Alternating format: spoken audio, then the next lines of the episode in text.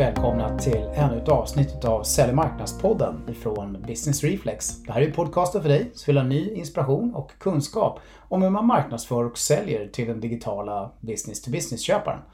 Jag som kör det här avsnittet idag heter Lars eh, Dahlberg. I samband med den här pandemin eh, så blev ju alla event digitala.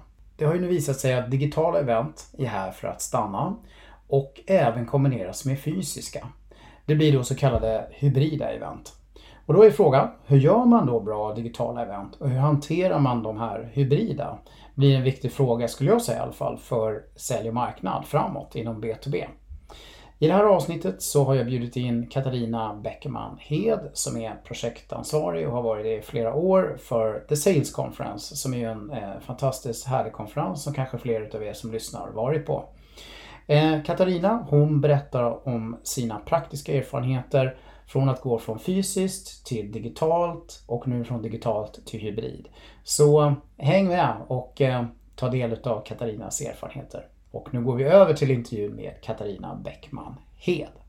Hej och välkommen till Sälj och marknadspodden Katarina Bäckman Hed. Jätteroligt att ha dig här. Tack så mycket, kul att vara med.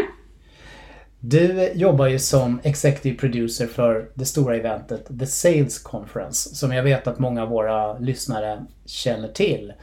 Eh, och eh, jätteroligt att ha dig här och vi ska ju prata väldigt mycket om det här med digitala, eh, virtuella och hybrida events idag.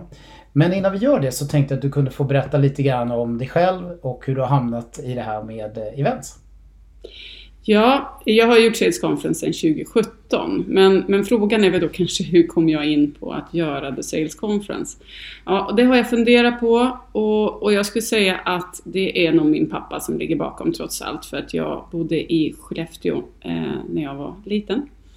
Och där finns det en festival som heter Skellefteåfestivalen som min pappa då började göra 2015 och då lärde jag mig hur kul det är med events och, och framförallt hur kul det är att se att, att allt jobb ger resultat så snabbt. Man kan se hur roligt människor har precis där och då när det händer.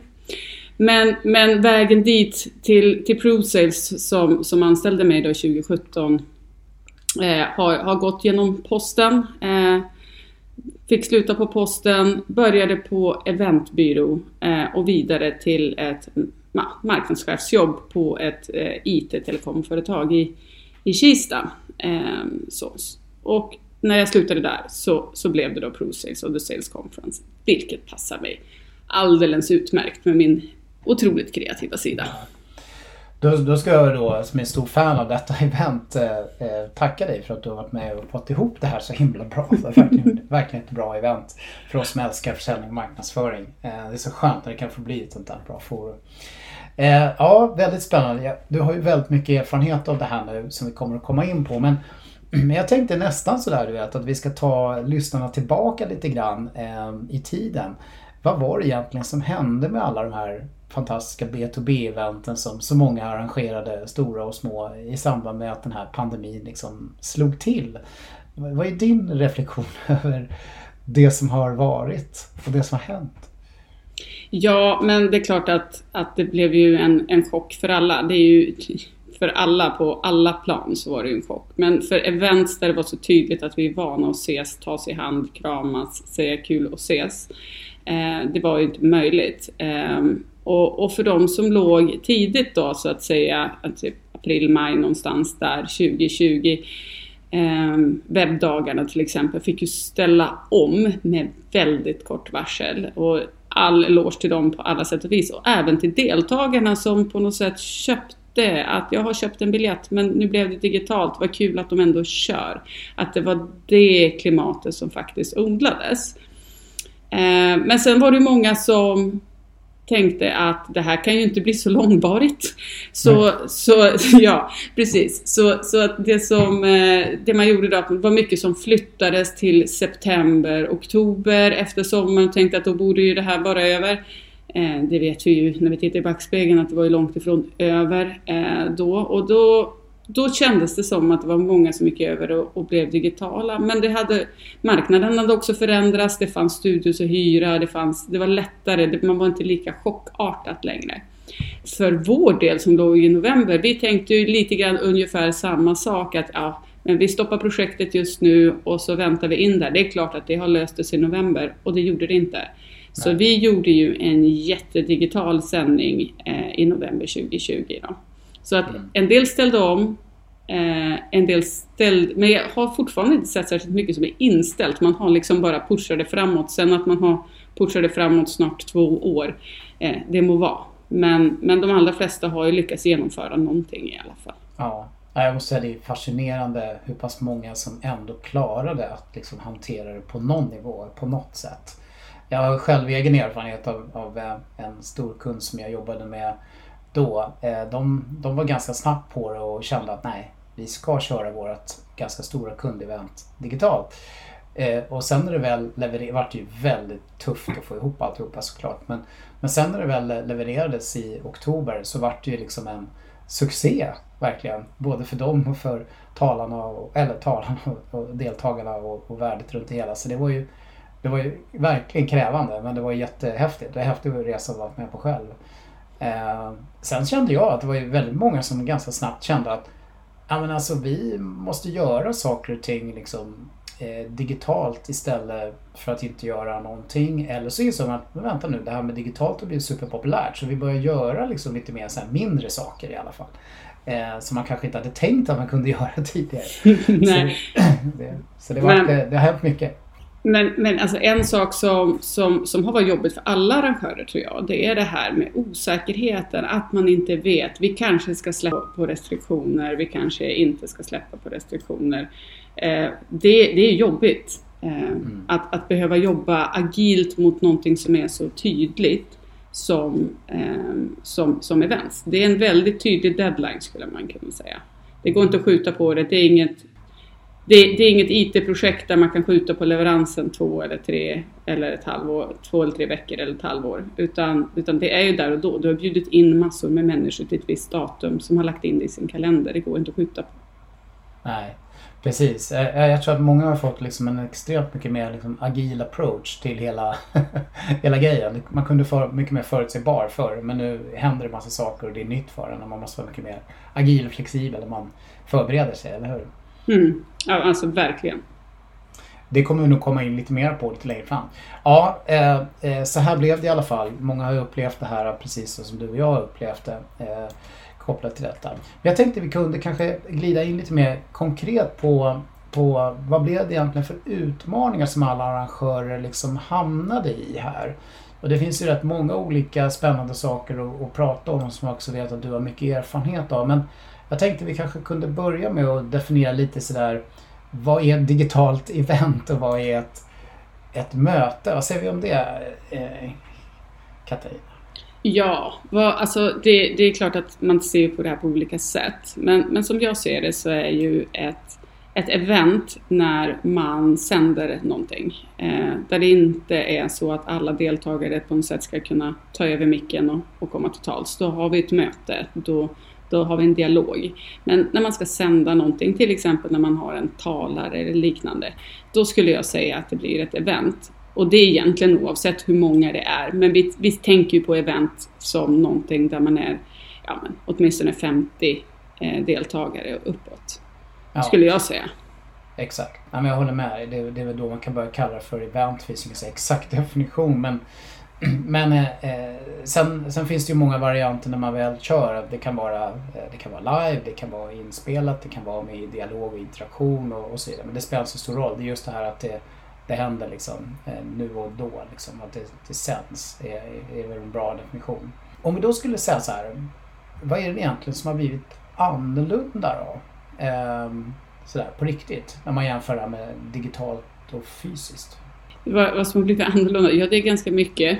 Ja. Men, men, men framförallt så Framförallt så ska jag säga så här att, att det är klart att det finns ju, ja, vi kan ju prata fördelar och nackdelar, men, men det stora är ju att att, att en digital publik eh, har egentligen samma behov men de kommer lösa det själva. De kommer bli hungriga och behöva gå på toaletten och allt det som, som man behöver lösa på ett fysiskt event, det slipper man på de digitala. Eh, Medan på ett fysiskt event så, så behöver du hantera kanske eh, köer, du behöver hantera att alla ska ha en plats, alla sitter ner i tid. ja, alla har vi varit på, på de olika eventen nu eh, och tänker man efter så är det egentligen, vi sänder egentligen samma sak, man vill ha samma innehåll. Allting som sker på scenen ska ju, ska ju vara lika relevant så att säga. Men det är ju det här runt om som egentligen blir det svåra och produktionen av det egentligen. Mm. Precis, för, för mycket grejer som du är inne på slipper man ju. som kan vara väldigt utmanande när man har människor på samma plats. Ja. Eh, att, men, eh, men en sak som jag, som jag vet att som jag vet att du och jag pratat lite grann om det är ju det här med, med, med att ta betalt. Mm. Det har blivit rätt annorlunda upplevelser kring det eller förutsättningar kring det. Eller, eller hur ser du på det? Ja, men eh, vår upplevelse är att man är inte lika villig för att betala för någonting som är digitalt. Eh, fastän det är live och det händer där och då så, så, så är vi van, jag tror att det är en vana vi har. Att, att saker och ting som är digitalt är lite grann, det ska alltid vara lite gratis. Jag menar vi har TED-talks, det finns så mycket att konsumera digitalt som är, är, är, är gratis idag. Så det är klart att det är en svårare fråga. Fastän, fastän man, om man gick på Sales Conference förra året, då gjorde vi det gratis, men man fick ju lika bra innehåll, fick lika mycket insikter, fick lika mycket som man har fått alla andra år. Men man fick det digitalt, eh, eh, eller eh, mm. gratis. Ja. Mm. ja, för jag kan ju själv känna eh, lite grann att ja, det är lite svårare kanske att dra upp plånboken så. Men sen när man väl har varit på väldigt proffsiga digitala e- events eh, och har betalat för dem, eller eventuellt kanske inte betalat så mycket för dem, så, så blir det ju liksom, åker betalningsviljan upp rejält. Eh, för man förstår att det är väldigt bra, det blir väldigt bra liksom, värde och innehåll även fast man inte träffas på en fysisk plats. Att det... Nej men det är klart att det, det, är, klart att det är så. Men, men det har också att göra med att, att man, man känner sig inte lika uppbunden riktigt heller eh, digitalt. Man vet att det finns liksom ingen sense of urgency.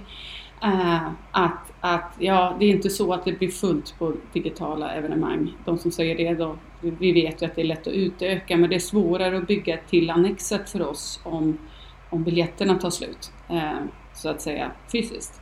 Så, att, så att det är ju också en fråga om, man, man väntar längre, man vet inte, man kollar, det kan komma upp så mycket andra saker som kanske är viktigare. Medan har du bokat dig på ett fysiskt event, då ska det vilja mycket till att du inte går. Mm. Men en sak som jag har reflekterat lite över det är ju det här med att det kanske är lättare att få många fler människor att vara med så man kanske kan ta ett lägre pris ja, för, att, ja. för att det ska gå ihop sig om man säger så. Eh, så kan det kanske vara. Men, men sen är det också att man kan, kan dela upp upplevelsen på lite mer kreativa sätt när man gör det digitalt än när man gör det live. Så man kan ha olika price tags. Mm. Ja, så gör ju vi till exempel i år. Eh, att man, vi har en gratisbiljett även i år men man får en mycket reducerad, reducerat innehåll. Ehm, och det är ju för att vi vill att så många som möjligt ska kunna ta del av saker och ting. Bland annat så får man Henrik Larsson Broman eh, hans keynote där han faktiskt pratar om den undersökningen som vi, som vi kopplar till Sales Conference i år, The Future State of Sales. Det är det man får och så får man våra fantastiska breakout sessions. Men, men om man vill se våra övriga keynote-talare då, då får man betala en liten slant. Eh, mm. Helt enkelt. Eh, och det, även så hamnar ju vi i sådana saker som, som, som kanske inte riktigt har hört till event tidigare. Det är att man faktiskt kan uppgradera under dagen. Just det. Och det är nytt. Och det är svårt att göra så att säga på fysiskt, det, det går att göra men det är mycket svårare på ett fysiskt event. Exakt, så, så mycket handlar om, kanske betalningsviljan har gått ner men möjligheten att vara kreativa med hur man tar betalt och tar betalt på olika sätt och, och, och sådär har ju å andra sidan då ökat. Ja, och att alltså, man kanske kan få fler. Men, men precis, men jag tror också att, att att marknaden blev helt plötsligt ganska omogen. Eh, så att säga. Det är egentligen ingen som vet vad man vill ha och, och vad man är villig att betala för. Eh, och det blir svårt för arrangörerna då att, att veta också vart ska man ligga, vart ligger värdet i ett digitalt event. Nej, och för deltagarna är det det att kostnaderna för att vara med på ett event går ju dramatiskt ner för man slipper resa och bo på hotell och uh, traktamenten och allt möjligt sånt där. Som man kan lägga på att betala för innehållet istället. Liksom. Ja, men och det är också så att, att man kan ju göra cherry picking. Vi gör en hel dag. Eh, det är inte så att vi tror att alla sitter och tittar på Sales Conference varje minut eh, från klockan 10 till 17. Utan vi, vi har en tydlig agenda och vi ser, det lärde vi oss i fjol, vi ser att det går upp och ner beroende på vilka talare vi har och vad man är intresserad av. Men det gör ju också att du kan göra så att säga ditt eget event avsevärt mycket mer relevant och bli tidseffektiv på ett helt annat sätt. En grej jag tänkte vi kunde eh, glida över lite på det är det här med plattformar. Mm. Eh, själva sändningstekniken.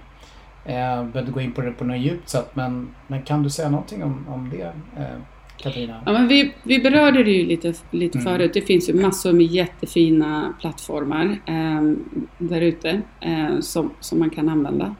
Eh, och jag tycker att så, här, så fort man går ifrån mötet så att säga så, så ska man börja streama och då är det bra att ha en plattform där man kan om man vill då ha en chatt till exempel, att man kan ställa sina frågor och, och vara interaktiv utan att synas i rutan då eh, så att säga, som man gör i ett vanligt Teamsmöte. Så det tycker jag att man behöver ta, ta ställning till. För våran del så, så kräver vi extremt mycket av, av våran, våra leverantörer. Eh, som, som också ska klara av ett hybridevent eh, med allt vad det innebär att man ska så långt ner som att vi ska kunna skriva ut namnbrickor. Ni vet sådana som vi hade Mm. 2019 när vi var på event så hade man namnet och företaget hängande runt halsen. Det ska också ku- kunna göras så att allt det som händer nu blir att vi behöver ställa ännu högre krav. Event för de, de, de eventplattformar som fanns förut, de, de hanterade ju inte eh, den digitala delen då till exempel. Nej. Eh, att man, att man kan, kunde mäta, kunna visa, ha liksom en, ett, ett ramverk runt sin digitala ström då, som Mm. kom ut. Nej precis, för jag vet ju också det finns ju ett antal olika sådana här plattformar. De har i sin tur liksom utvecklat sig Mm. nu när behovet har ökat och, Mm. och, och, och sådär. Och, man kan ställa kanske högre krav också på de här typerna av Mm. plattformar. Men det finns en mängd olika att välja. Men slutsatsen egentligen som jag tycker låter på dig det är att man behöver ju någon form av liksom investera i någon sorts plattform. Ja, att det. Det, tycker jag verkligen. Och också för att kunna hantera deltagare, kunna, kunna utveckla sitt event som du säger, så att säga, ha olika biljetttyper och veta vem som ska vara vad och sådär. Och då behöver man ha ett, ett, ett bra system.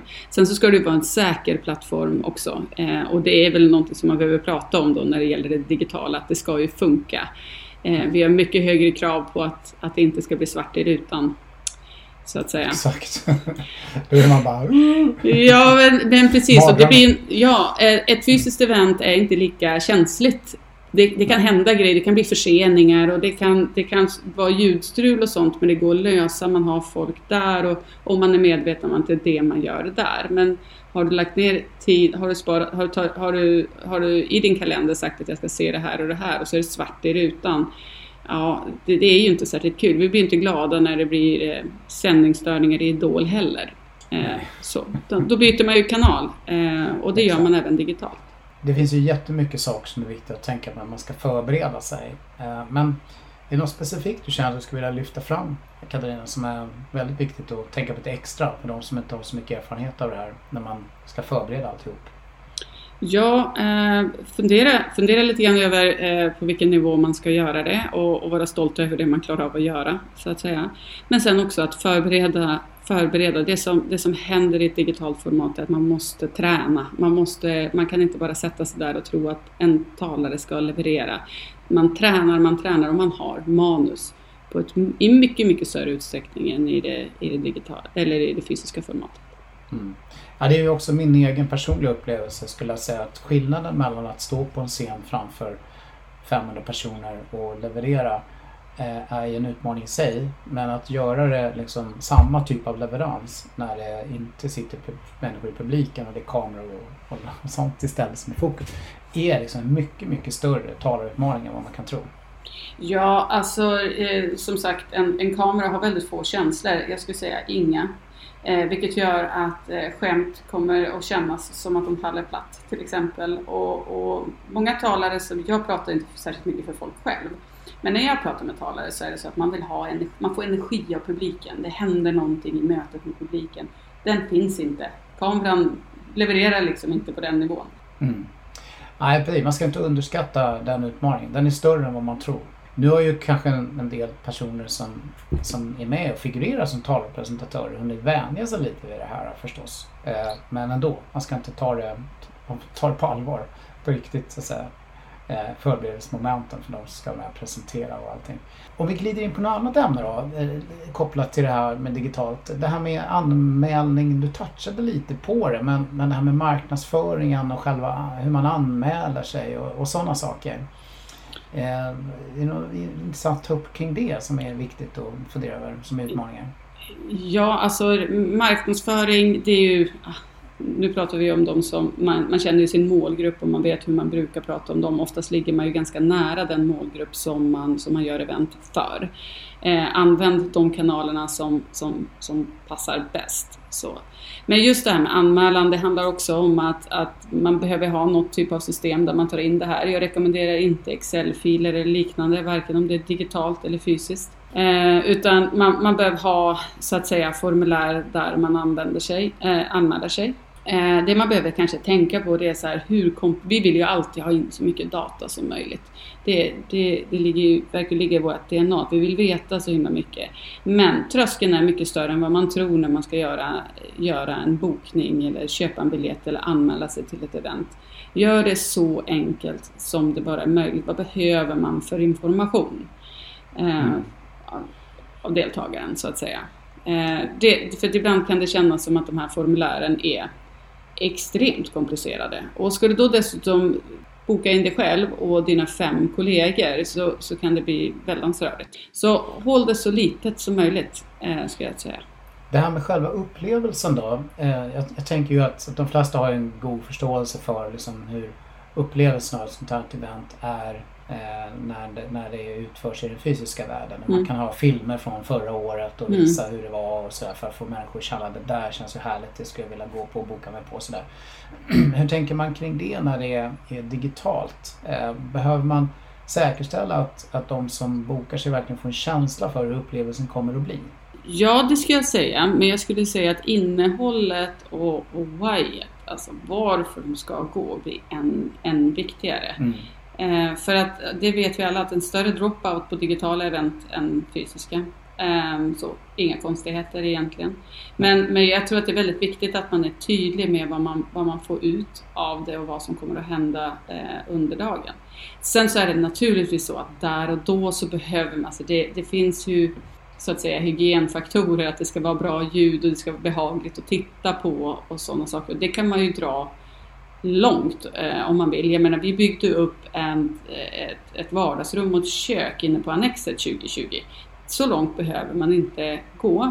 Men man behöver fundera på vad upplevelsen blir och ju längre event man har skulle jag säga, ju viktigare blir det att man har att det blir dynamiskt och att det blir lite olika settings, att det liksom känns intressant hela vägen.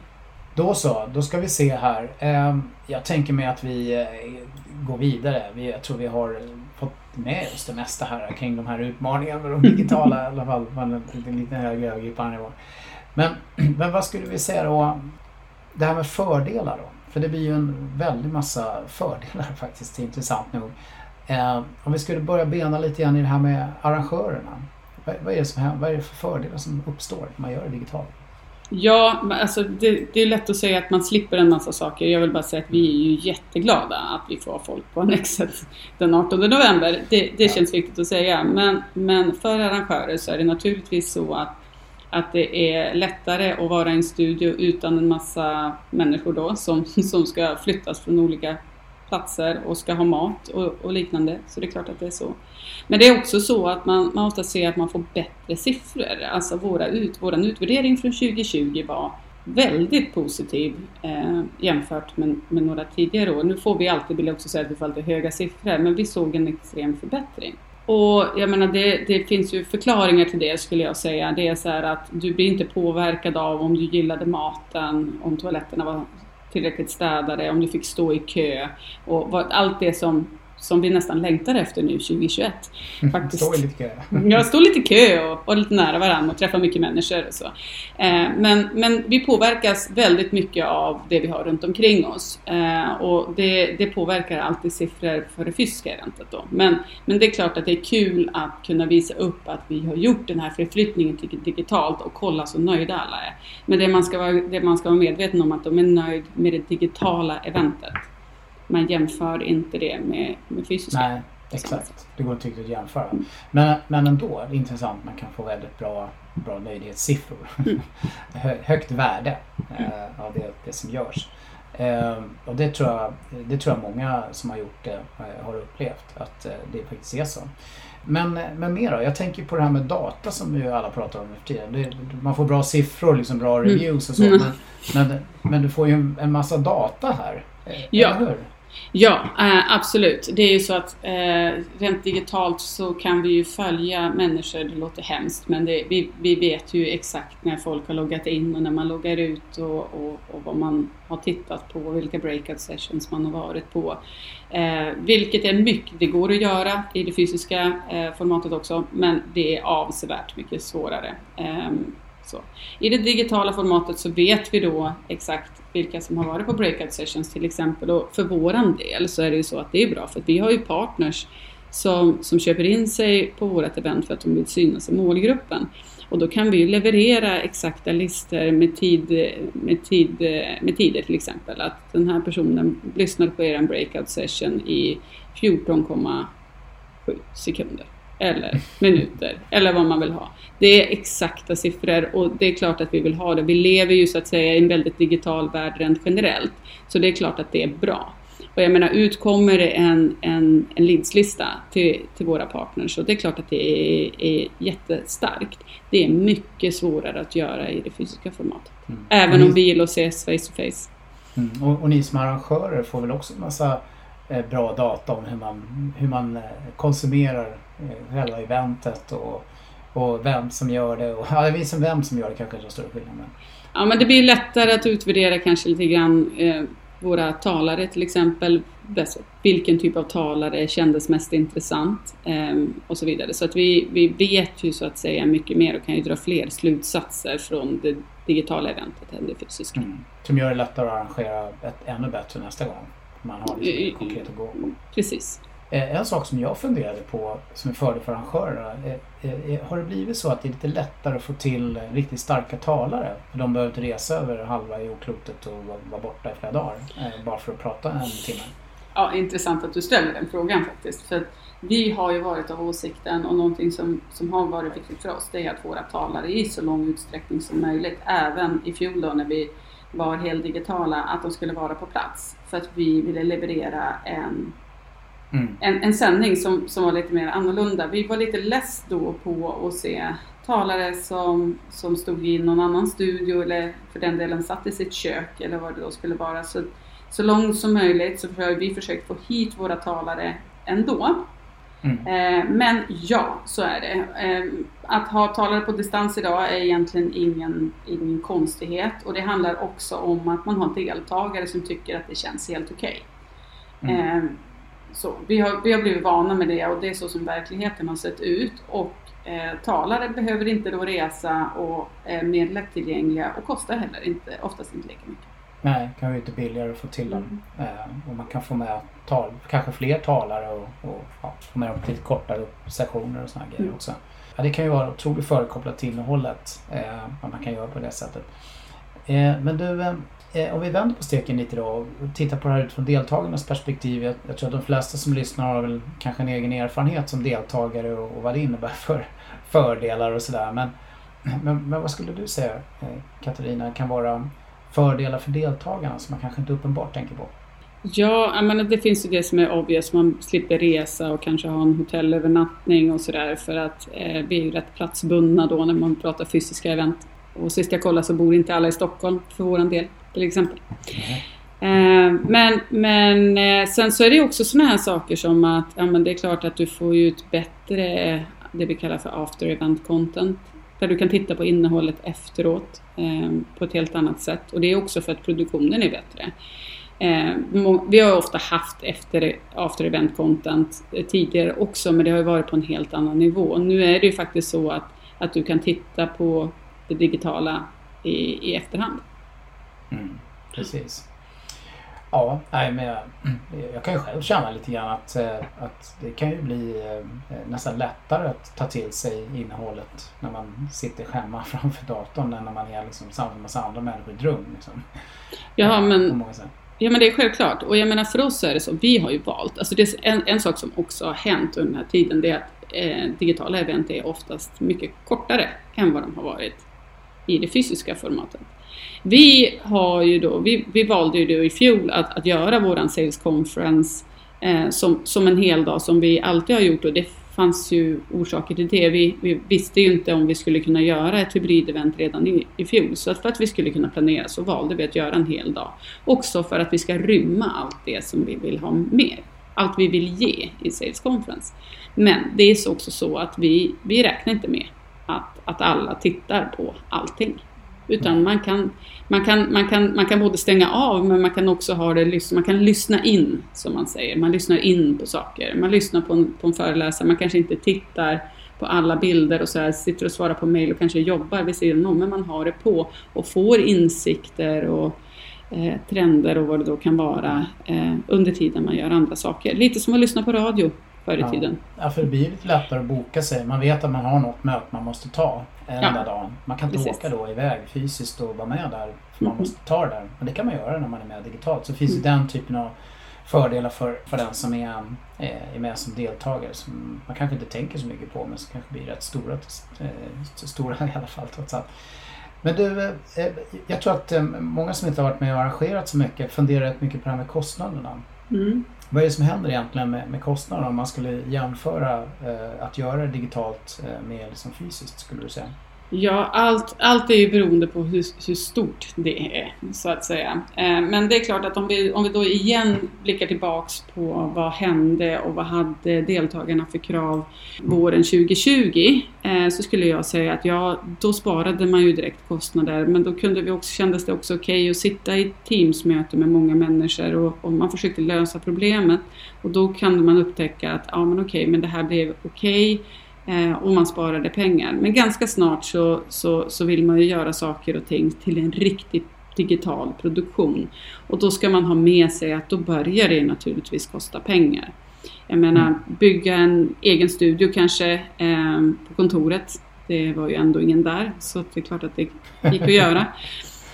Eh, så, så kan man göra det, men det är klart att det kostar ju att investera i, i kamera, ljus, backdrop och kanske en bildmixer beroende på vad man ska göra och vad man vill ha då, så att säga.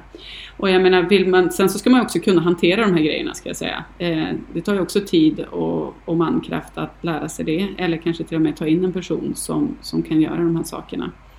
Eh, alternativet är ju att hyra in sig i någon av de fantastiskt fina professionella studios som finns. Ja, i Stockholm vet jag att det finns väldigt mycket. Men det är klart att det kostar också. Det, det, studiotid är dyrt eh, rent generellt. Det är mycket dyrare än att hyra det man kallar för en vanlig konferenslokal. Mm. Eh, där vi var tidigare och så bjöd vi, men då bjöd vi på en kaffe och en macka och det fanns ju en kostnad i det också. Eh, men, men jag skulle säga att, att nej, ju mer vi vill göra professionella saker ju dyrare blir det, eh, så att säga. Kommer man upp på vår nivå eh, så är det naturligtvis så att, att en fysisk produktion för Sales Conference den är, den är stor i sig och den behöver massor med saker som kostar mycket pengar. Eh, så det är klart att det var billigare att göra en digital produktion. Men det var långt ifrån gratis. Mm. Så. Precis, så det beror lite grann på vilken ambitionsnivå man hade med sitt Mm. fysiska eh, Mm. vilken ambitionsnivå man har med det digitala. Men, Ja. men det, det låter på det ungefär som att det blir ja, ganska mycket samma typ av kostnader om man har en hög ambitionsnivå både fysiskt och digitalt. Det är inte så att man spar jättemycket pengar. Man, det kan vara så men det... Men jag skulle, jag skulle säga så här att, att gjorde du större, större frukostseminarium förut eh, med lite bättre frukost, en större lokal och, och ja, men uppemot 100-150 personer eller vad, vad det då var. När du, när du flyttar det till det digitala och har samma ambitionsnivå, alltså du vill göra, du vill göra någonting som är riktigt bra, att du faktiskt sänder någonting, eh, då hamnar du på ungefär samma kostnader. Samma kostnader. Mm. Mm. Ja, det, nu har ju du redan andats lite grann om vart The Sales Conference är på väg. Det vill säga att det ska bli hybrid. Ja. Både digitalt och eh, eh, fysiskt. Eh, och du sitter ju mitt uppe i det här. Men, men vad skulle du säga då, då om du ska ge, ge lite ledtrådar eh, om hur man ska tänka eh, om man funderar på att tänka eh, hybrid kring sina events framgent? Katarina, vad, säger du? Ja, jag skulle säga så här. Eh, det finns naturligtvis jättemycket att tänka på. Eh, jag sitter Mm. mitt i det just nu. Eh, så. Men, men så här, man behöver, man behöver fundera på vem som blir den primära publiken. Till Mm. exempel. Alltså det är sådär, vi kommer ju att sitta med uppemot 7000 digitala deltagare och någonstans mellan ja, uppemot 500-700 deltagare på Annexet. Vem är då den primära publiken? Nu är det inte så att, att någon upplevelse blir dålig på något sätt och all, båda upplevelserna har sina fördelar. Men det är fortfarande så att ska man ha stilla kameror som inte stör publiken på plats eller är det okej att, att, att kamerorna rör sig i rummet under, under en föreläsning till exempel? Det är sånt som, som är ganska svårt att tänka på. Också att man har en setting som gör sig bra både i det fysiska rummet. Eh, på Annexet är det ganska stort. Alla ska se, alla ska höra kunna ta till sig på plats. Men det ska också bli snyggt och bra och professionellt i bild. Mm. Ehm, så att det, med, med det sagt då, det blir nästan två produktioner. Ehm, De ska liksom smälta ihop. ja, som, precis. De ska smälta ihop, det ska bli bra för två helt olika, egentligen, de ser samma saker men det är två helt olika upplevelser. Så att Mm. säga. Så det pla- planera lite så parallellt på något sätt. ja, eh, det kan man säga. Jag har lite att göra just nu. Ja, det är bra. Eh, då ska vi se här. Ja, eh, jag tror att vi... Jag tror faktiskt att vi ska rulla in på The Sales Conference här. Eftersom vi har så många lyssnare som, som jag vet är intresserade av det här eventet så kanske du skulle ta tillfället i akt och berätta lite mer om vad det handlar om på The Sales Conference i år och, och varför det kan vara värt att lägga lite energi på att gå på det, tänker jag. Ja, eh, huvudrubriken i år är The Future State of Sales. Eh, och det är då eh, också rubriken på en rapport som, eh, som vi har gjort. En undersökning på eh, 1000-1500 försäljningschefer eh, i det området. Som då har fått prata om, om vilka trender som de tror på som ska vara det viktigaste. Och den, den rapporten eh, kommer, kommer vi att ha en röd tråd på eh, under eventet. Och eh, köper man biljett så får man även hela rapporten, vilket är bra. Mm. Eh, och Henrik Larsson Broman, våran eh, interna stående keynote speaker på Sales Conference, eh, kommer också att prata om det här under sin keynote. Så det är ju ett, ett fantastiskt värde i sig. Eh, sen så kommer vi att ha fem keynote speakers till med en väldigt wide range från Eh, vi har några som har varit med tidigare faktiskt. Eh, Timon de Jong och Andreas Ekström som är talare vi har haft tidigare. Som, som har haft de absolut bästa siffror man kan ha i utvärderingen från, från eh, deltagarna. Så vi ser väldigt mycket fram emot att, att se vad de har att säga några år senare. Eh, men sen så har vi också eh, Alexander Stubb som har varit statsminister i Finland som, som kommer att prata. Vi har en tjej som eh, bor i London eh, men född i Indien som heter Shefali Roy som också kommer att ha extremt intressanta insikter om eh, att, ge, att ge oss. Och sen så, ja, ja. Det är väl Sen egentligen brukar ni ha någon surprise kanske också? Eh, Eller ja, du föregick... så? Ja. Eh, så här är det att vi kommer att eh, släppa en tilltalare i mitten av oktober men den är fortfarande hemlig. Ja, det är bra. Du, eh, jag, jag har ju faktiskt gjort podcasting på The Sales Conference när det var fysiskt. eh, Och Mm. intervjuat pris, eh, sådana som vunnit fina priser där. Ja. Kommer ni ha prisutdelning? Ja, alltså det, vi kommer inte bara ha prisutdelning, vi kommer också göra den klassiska eh, galan. Där vi då delar ut, eh, där vi premierar personer i Sales Awards. Eh, så. Nomineringen eh, har precis stängt. Så Aj vi får se, ja precis, aj. Men eh, galan är ju den absolut bästa avslutningen man kan ha på Sales Conference om man har varit där fysiskt. Det är jättemycket underhållning, det är god mat och dryck eh, för, för den delen. Uppklädda människor. Ja, det är jätte, jättetrevligt och framförallt få vara med och, och fira tillsammans med de här pristagarna eh, en upplevelse. Ja, jag själv varit där så jag kan eh, eh, varmt rekommendera detta Ja. nu när det ska hända igen. Eh, bra, men ska vi avsluta då med något så här tips då? Om man tänker sig att det, det är några som lyssnar nu som inte riktigt har gjort de här digitala eller hybrida eventen. Eh, mycket har de ju fått med sig men, men om du ska skicka med dem någonting då, särskilt lite på slutet. Eh, om de är, eh, inte har vågat ta steget. Eh, första gången, börja inte med att göra Sales Conference i den storleken, första gången du, du gör ett digitalt event. Eh, men ja, skämt åsido då så är det så här, bestäm dig för vad det är man vill göra och på vilken nivå man ska göra det och för vem. Som, som med allting annat vi gör, det behöver man veta. Och vill man då liksom ta det här till nästa steg, man vill, man vill göra lite snyggare saker, man kanske vill ha grafik, man vill, man vill göra sådana saker. Då tycker jag att man ska ta in hjälp om man inte har det här inom företaget. Mm. Det, finns, det finns studios som kan hjälpa till till en viss nivå. Sen finns det även eventbyråer som under den här perioden har blivit jätteduktiga på, eh, på, på digitala events eh, naturligtvis. Eh, ja, det jag, finns otroligt mycket snubbeltrådar att snubbla på faktiskt. Det ja, det. Och det, det, är faktiskt så att, att det är, som sagt som jag sa tidigare, man vill inte ha svart i rutan. Det, det, liksom, det måste flyta, det måste, det måste bli bra också. Och det här är ju viktigt, som med alla event så behöver det flyta på, även fysiskt då. För det är ändå våra varumärken som, som står på spel här. Allting vi gör reflekteras ju tillbaks till, till företaget mm. som arrangerar. Bra, du ska ha ett jättestort tack eh, Katarina för att du tog dig tid att vara med Säljmarknadspodden i dina eh, väldigt hektiska dagar här med The Sales Conference. Så ett jättestort varmt tack till dig. Och eh, eh, sen så skulle jag bara som vanligt till alla lyssnare vilja säga så här att eh, vad ni än gör där ute, oavsett om det är digitala eller hybrida events eller något annat spännande, så ska ni se till att vara relevanta. Och därmed säger vi tack och hej!